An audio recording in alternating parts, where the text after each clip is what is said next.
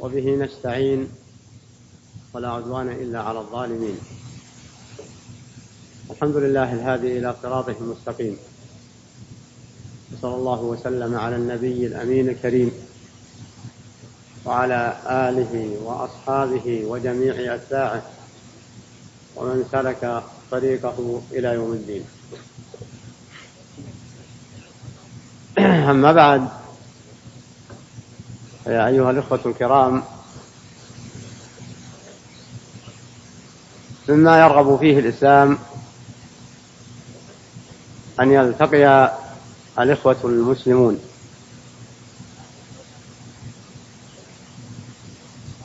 وأن يكون في لقائهم ما يقوي إيمانهم بربهم وبرسالة نبيهم محمد عليه الصلاة والسلام وأن يكون لقاءهم على ما يقوي عزائمهم للتمسك بما بما جاء في كتاب الله وبما جاء على سنة رسول الله صلى الله عليه وسلم. وإن الموضوع الذي اختير بأن يكون الحديث فيه في هذه الليلة نسأل الله أن يجعلها ليلة مباركة وأن يفتح على الجميع أبواب منه وفضله ورحمته. هذا الموضوع ليس بالموضوع السهل بل هو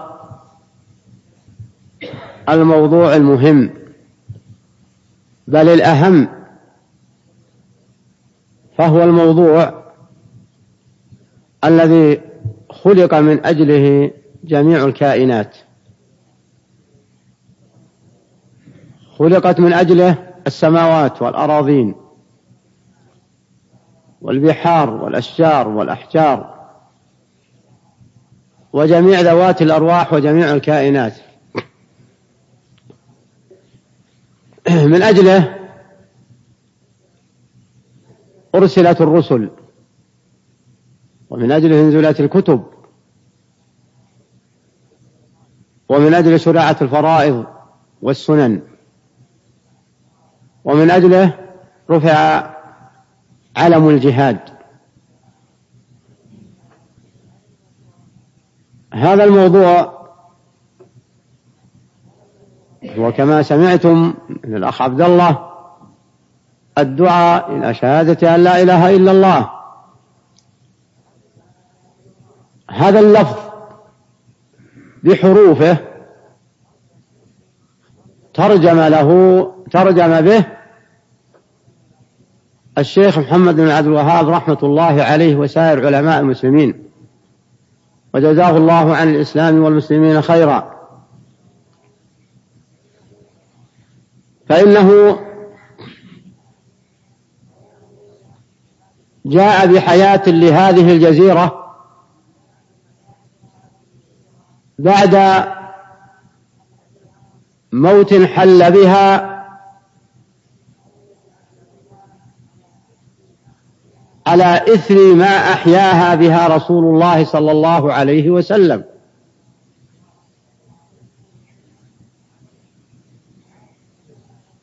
فهذا الداعية هذا الإمام هذا المجدد في هذه الجزيرة لرسالة محمد عليه الصلاة والسلام يتحتم على كل مسلم أن يدعو له ولمن ناصره. لأن الدعوة إلى شهادة أن لا إله إلا الله تحتاج إلى أساسين عظيمين وأصلين متينين. تحتاج إلى علم بعدين وتحتاج إلى سلطة. هذان الأمران بهما يرفع الله علم الجهاد وبهما يعز الله دينه ومن ناصره.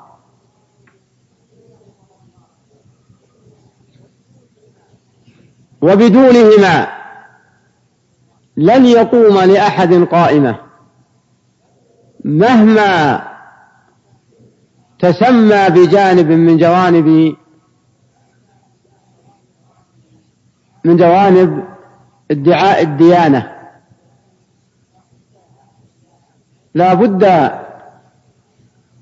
من أن يقوم بهما أن يقوم بهذا الأصل وهو شهادة لا إله إلا الله هذان الأمران. الدعاء إلى تحقيقها.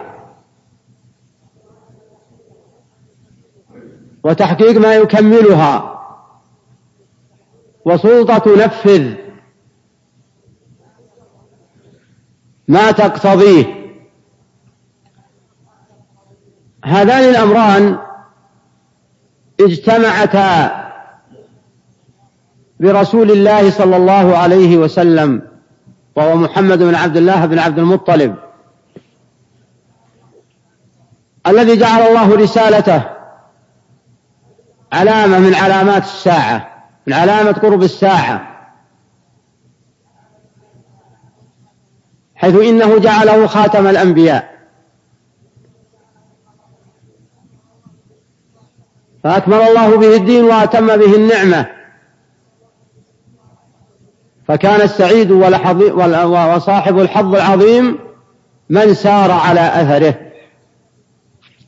واستنى بسنته. سواء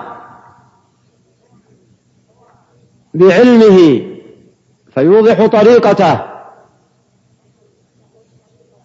القولية والفعلية أو كان بسلطته إذا أعطاه الله السلطة. وتحقيق هذا الأصل. أيها الإخوة ليس بالادعاء. تحقيق شهادة لا إله إلا الله ليس بالادعاء. وليس العز بها لمن استخدمها لتخدم غرضا له أو هدفا له. ولا تخدم من استخدمها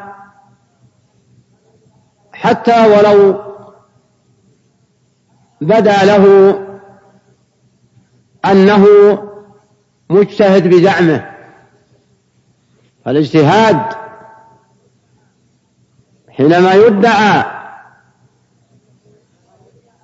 فإنه ينظر هل وافق ما جاء به الرسول عليه الصلاة والسلام أم خالف. فإن وافق فسينجح أو يسلم. الداعية لا يخلو من أحد الأمرين. إما أن ينجح ويوفق وينفع الله به وإما أن يسلم على نفسه. أن يسلم على نفسه. وإن هو استخدمها لغرض في نفسه.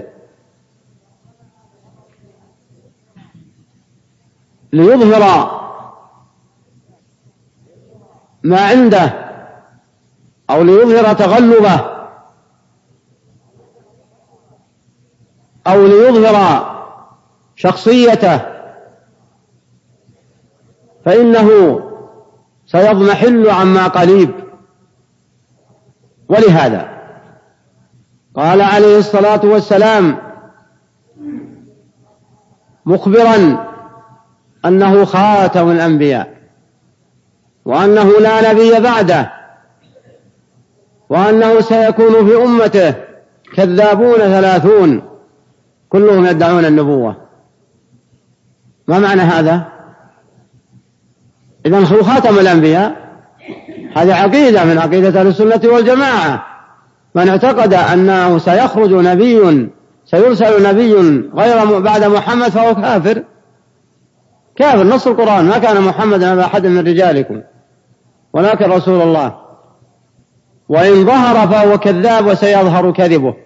وقد خرجوا وظهر كذبهم بأسرع وقت ممكن. ومثل هؤلاء الذين يدعون النبوة كل من ادعى أنه داعية أنه داعية لكن له هدف له هدف له أغراض فإنه ستقصر خطاه عما قليل. فيا أيها الإخوة الدعوة الصحيحة هو بتحقيق لا إله إلا الله محمد رسول الله. والدعوة الصحيحة أن يشتمل ادعى تحقيقها على نية صادقة خالصة لوجه الله. أن يشتمل على حب الخير لجميع الإنسانية حتى الكفار يحب لهم أن يسلموا. يحب لهم أن يسلموا. ولهذا شرع للمسلم الحقيقي أن يدعو الله بالهداية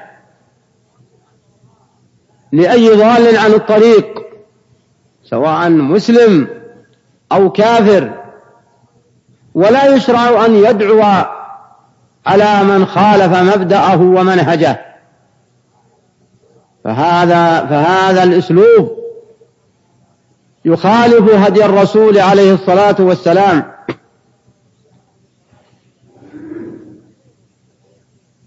ومعلوم وضوح هديه من أول نقطة بدأ الوحي عليه.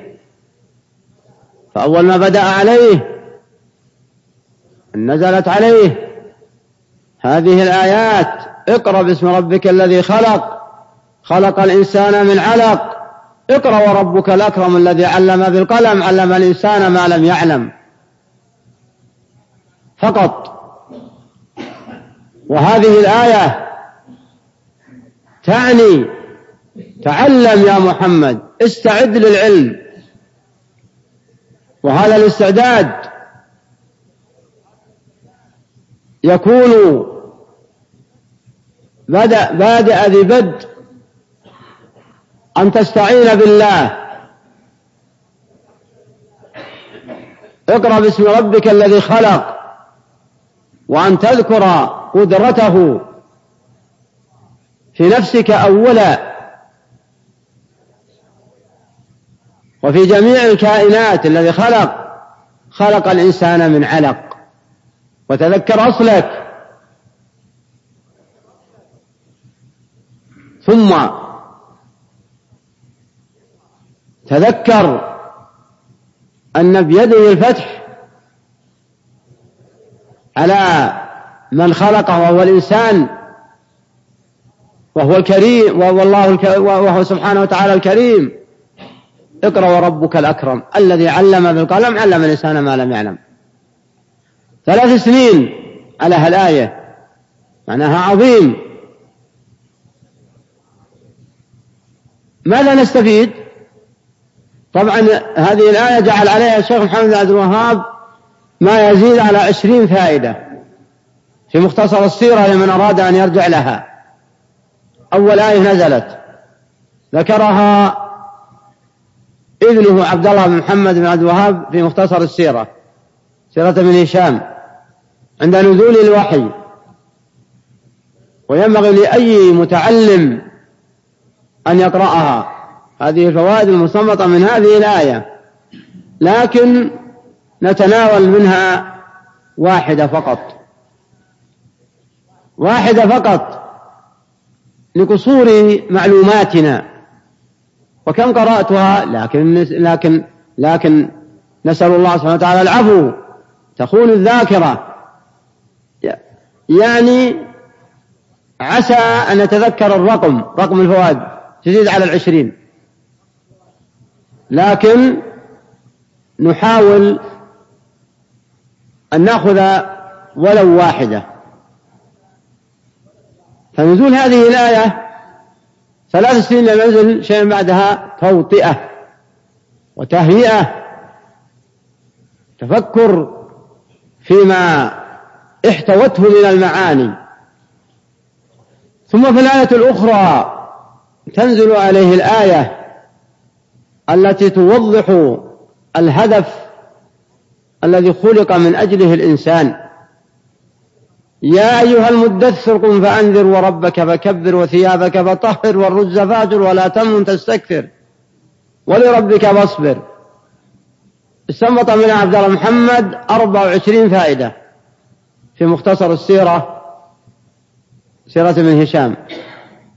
الشاهد أيها الإخوة أن أول حدث بالنبوة هو بيان المعنى أو المقصود من خلق الإنسان وهو تحقيق لا إله إلا الله والدعاء إليها ما فيه؟ ففي الآية الثانية قم فأنذر. ثم يأتي رحمة الله عليه شيخ محمد بن الوهاب قل فأنذر. أنذر عن الشرك. وربك فكبر عظمه. وثيابك فطهر. طهر أعمالك عن الشرك. عن الشرك. والرز فاهجر. اهجر الأصنام. لأن الوقت الذي بعث فيه الرسول عليه الصلاة والسلام في أصنام. ولا تمنن تستكثر. لا تمنن بدعوك لا تمنن بمعلوماتك لا تمنن بفهمك لا تؤذي به. لا تؤذي ولا تمنن تستكثر. إذا أمر عليه الصلاة والسلام بالإنذار عن الشرك وبالدعوة إلى التوحيد وأن يهجر الأصنام. ما معنى هجرها؟ تركها. تركها. والدعوة إلى تركها.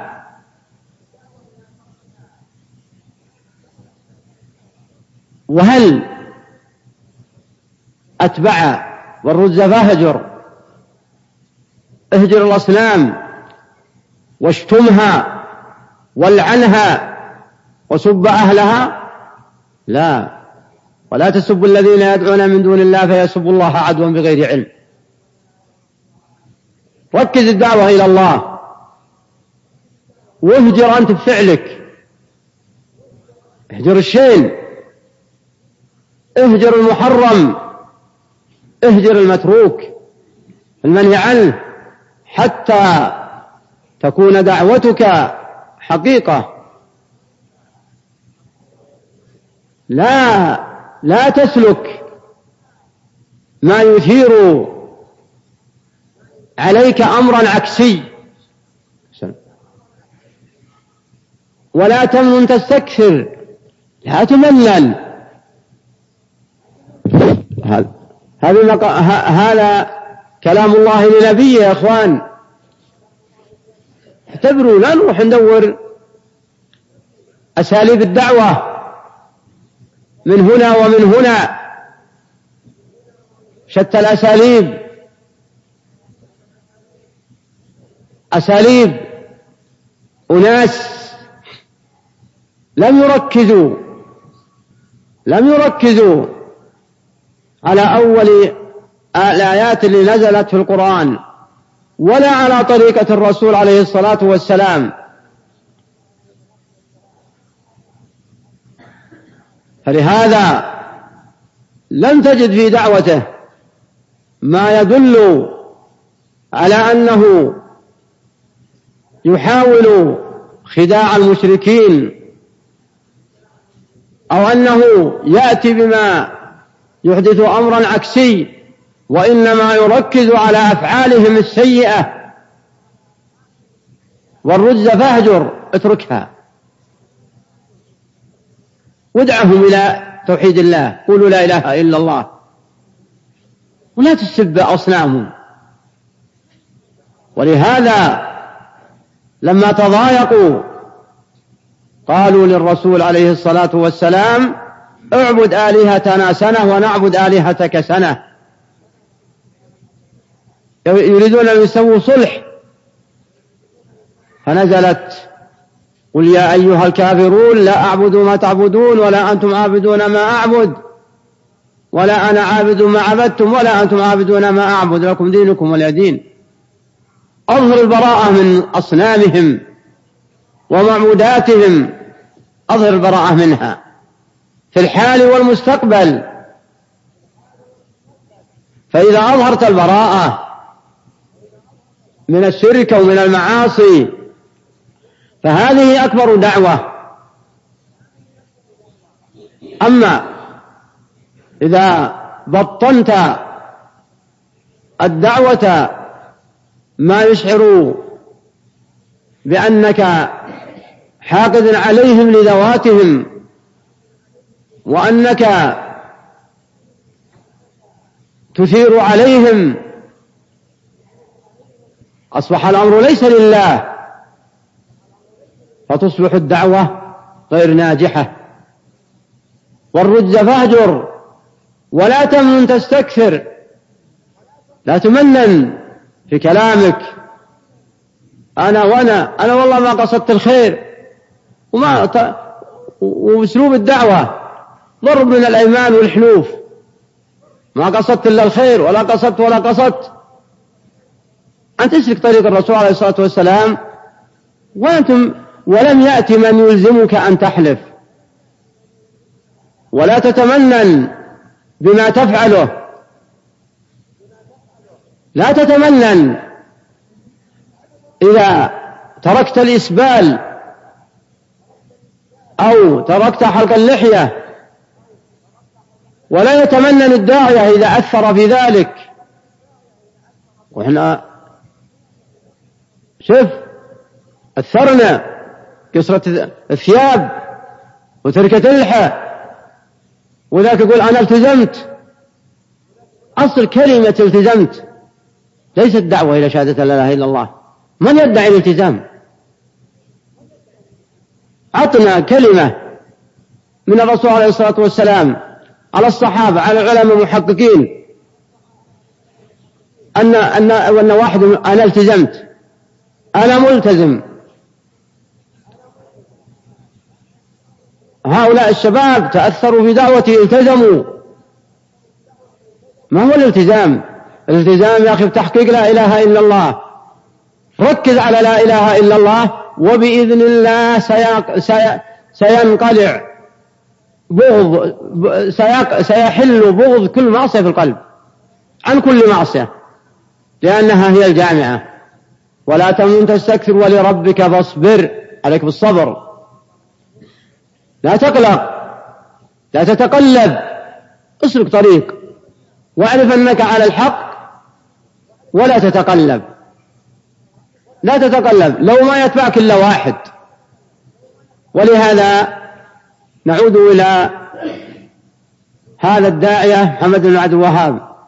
ظهر في هذه الجزيرة وفيها ادعاء الإسلام قاطبة بل وغيرها من الأقطار الأخرى كما هو المشاهد الآن عندنا.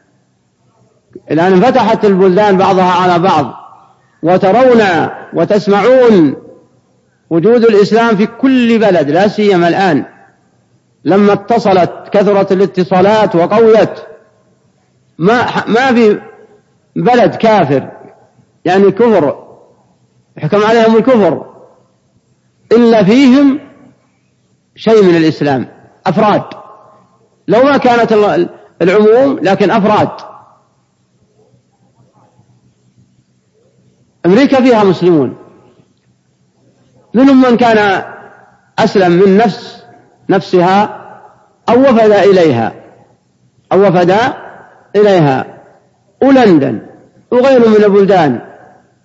لكن الشأن كل الشأن هو التحقيق.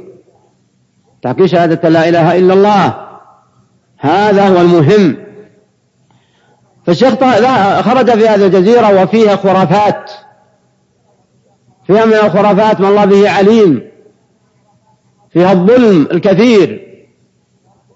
فيها دعاء الأشجار والاستغاثة بها. وهل لعدم العلماء؟ لا موجود علماء لكن ما بدهم شيء. اليوم فيه سالم بنفسه. أو مثل على من حوله. لأن أيضا يوجد علماء قد اعتنقوا الخرافات كالتعلق بالقبور والغلو في الأولياء. نعم موجود من أسأل النجد. الفقه كثرة. كثيرين الفقهاء. أم الشيخ محمد عبد الوهاب فقيه أبوه عبد الوهاب وجده سليمان وعلي سلالة علم. سلالة علم. فيقظه الله. رحمة الله عليه. وثبت من قام بدعوته إلى حال التاريخ. ووفقهم للأعوان الصالحين. تحسبون تظنون أن هذه الكلمة أمر سهل تظنونها رفعت رايتها في هذه الجزيرة بالدعاء لا بل بالصدق والإخلاص والمتابعة للرسول عليه الصلاة والسلام. فكان أول ما استنكر استنكر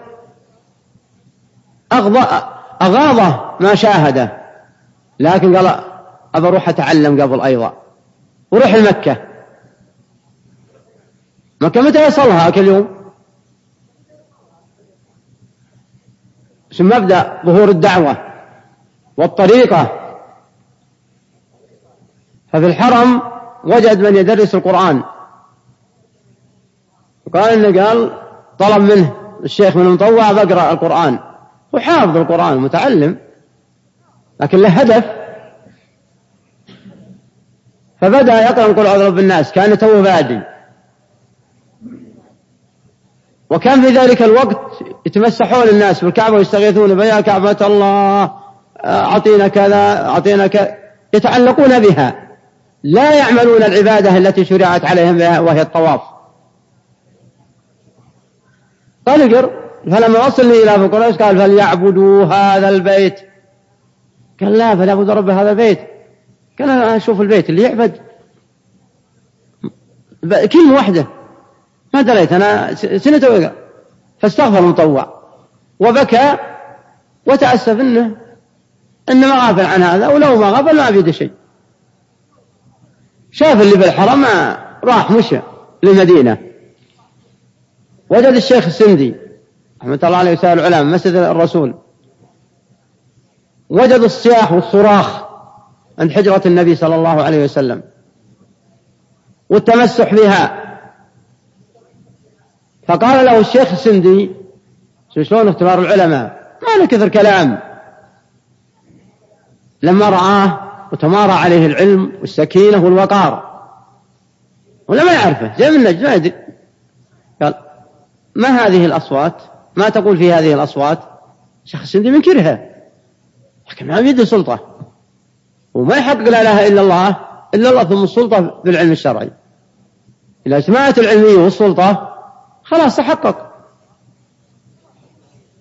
قال الشيخ عبد الوهاب إن هؤلاء متبر ما هم فيه وباطل ما كانوا يعملون. مسكين فعرف الشيخ السندي أنه سيكون له شأن. رحمة الله عليه.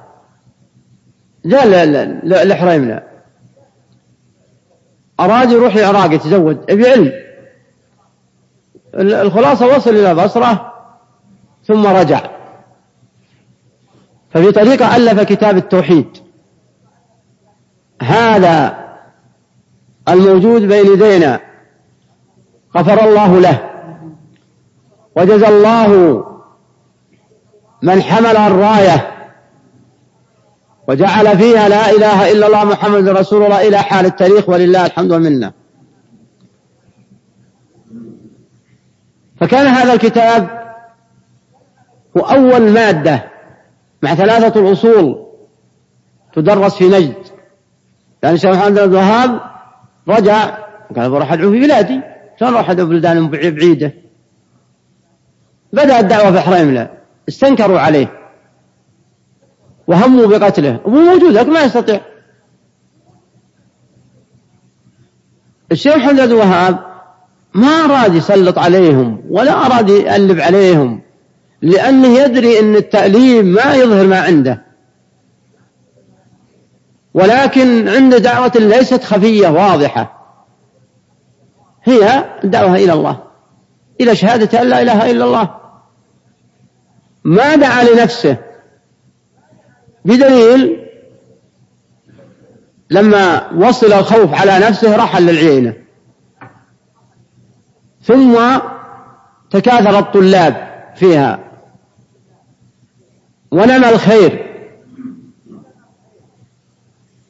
وانعقدت الصلة مع الأمير أمير العيينة. يعني يدور قوة. الشرع يبي قوة لا تفكرون هنا شرعا يبي يقوم بدون سلطة. حين قام فيكون أفراد. لا. بسلطة إن الله لا يزع بهذا السلطان لا يزع بالسلطان ما لا يزع بالقرآن ويقول الشاعر للرسول عليه الصلاة والسلام دعا المصطفى دهرا بمكة لم يجب وقد لأن منه جانب وخطاب فلما دعا والسيف صلت بكفه. له أسلموا واستسلموا وأنابوا. في الداعية يقول أسلموا ربكم بس. فإذا كان في سلطة يعني ما في إسلام ولا مأمورين نص القرآن. إذا صار له سلطة. حصل له انتشار طلاب في العيينة حتى إن الزانية جاءت قالت ارجموني تأثرت. تأثرت فرجمت. فلما رجمت تحركت الشياطين بعض الناس اللي ما يبون الدعوة من بعيد. فكأن الأمير تضاعف عن نصرته. قيل له الآن كثر أنت طلابك. حكت الأمير وصير بعينك. قال لا إحنا بندور سلطة. بننشر الحق. يجب الله سلطة تساعد. لأن من قديم الزمان. ما ينقادون الناس. ما ينقادون الناس بإذن الله إلا للحاكم الإداري. الحاكم الإداري هو اللي بإذن الله له السلطة. فإذا وفق مثل هذا الداعية مثل هذا الداعية وصار على طريق مثل الرسول عليه الصلاة والسلام وفق. وأثيب هو ومن رسم له الطريق. رسم له الطريق. أما أما حاكم إداري غاشم بغير طريق شرعي لا ينفع. علم مجرد بغير سلطة تنفذ ما تنفع. الرسول عليه الصلاة والسلام كما أخذ مكة 13 سنة المدينة سنة حتى تقوى وأمر بالجهاد. جاء الشيخ محمد رحمة الله عليه للدرعية ففتح الله على قلب أمير محمد بن سعود لأنه هو أمير الدرعية. طبيعة العامة تخضع للإمارة. قال من الشيء خلاص.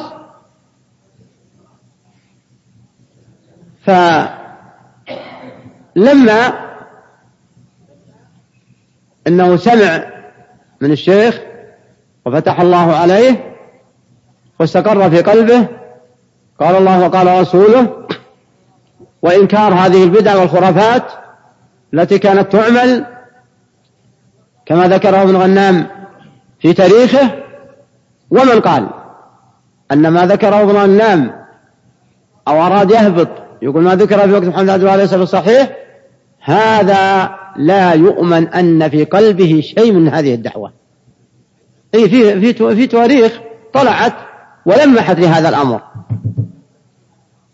لمحت لهذا الأمر.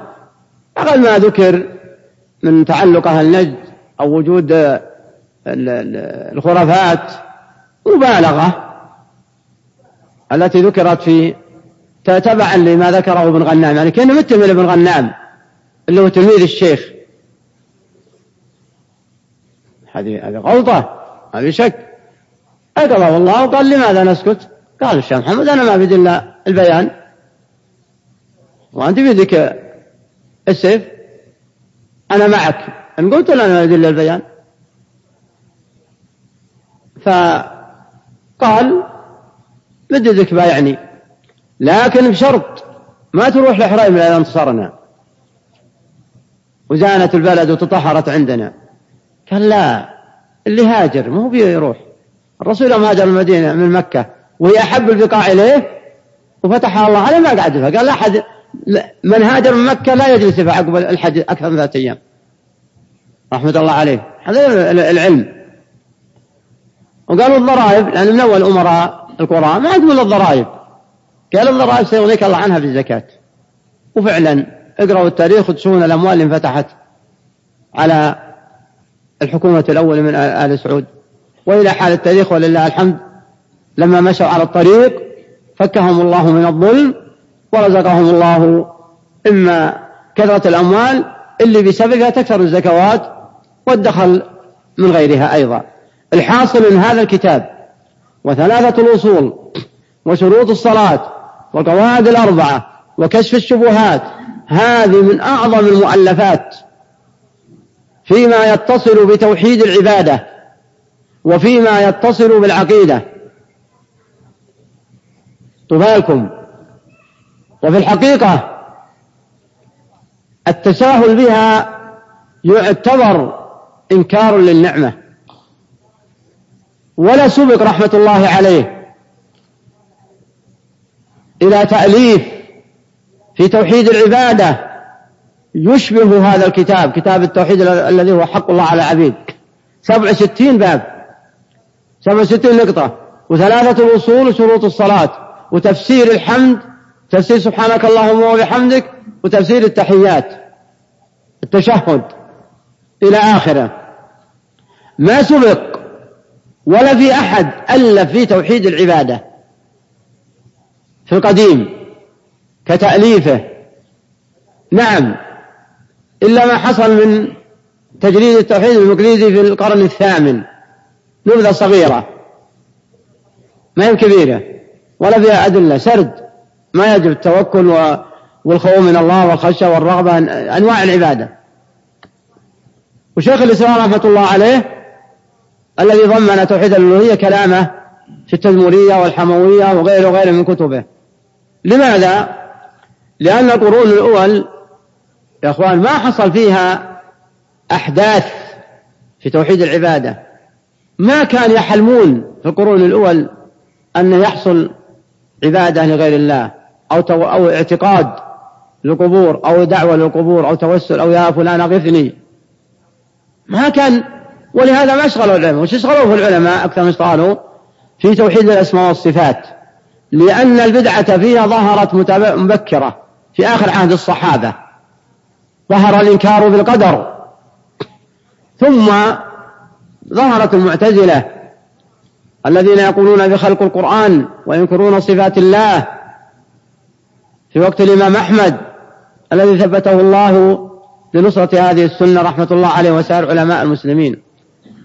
فأكثر ما اشتغلوا في القرن الثالث والرابع والخامس والسادس كله في توحيد الأسماء والصفات لكثرة أهل البدع فيه الذين ابتدعوا في الأسماء والصفات. الذي أولها أو جحدها كالجهمية والمعتزلة والأشاعرة وغيرهم. والقرامطة والباطنية والإسماعيلية وكثير من من من المبتدعة القديمة. اشتغلوا بهذا. إذا إذا في توحيد العبادة متى حدث في الأمة؟ في أمة محمد عليه الصلاة والسلام؟ في القرن الرابع. في القرن الرابع بعد في غير الجزيرة. وأما في الجزيرة فهو ما حدث إلا تقريبا في القرن الثامن. ثمانية قرون وهو ما حدث توسل في الجزيرة في غير الله. ولا التوسل في القبور. وفي القرن الحادي عشر يقضى الله هذا الرجل. فترك وتناسي دعوته. كفر بالنعمة. التوحيد هذا كتاب التوحيد ما عنده كثرة كلام. قال بسم الله الرحمن الرحيم كتاب التوحيد وقول الله تعالى وما خلقت الجن والإنس. سبحان الله العظيم. الجاهل هذا ما بيعرف ويعرف يكتب. في بعض النسخ كتاب التوحيد الذي هو حق الله على العبيد. ما فائدة إضافة الذي هو حق الله على العبيد؟ ما فائدتها؟ ما في أحد يجي؟ ما في معنى ترى. يعني الفرق بين كتاب التوحيد أو قلنا كتاب التوحيد الذي هو حق الله على العبيد ما فائدتها؟ نعم. تمام. لبيان أنهم ركز على توحيد العبادة توحيد الألوهية. أما توحيد الربوبية هذا مقرنين به الخلق كلهم حتى إبليس مقرن به. الشيطان وأعوانه مقرنين به كفار قريش مقرنين به. التركيز على الخلق. و والأسماء والصفات أيضا داخلة بتوحيد الألوهية. من جاء بتوحيد الألوهية فإنه سيوحد الله في الأسماء والصفات. ومن قال أن الله واحد في أسماء وصفاته لكن في عبادته لا ما نفعته. إذا ركز على توحيد الألوهية الذي هو معنى لا إله إلا الله وبذلك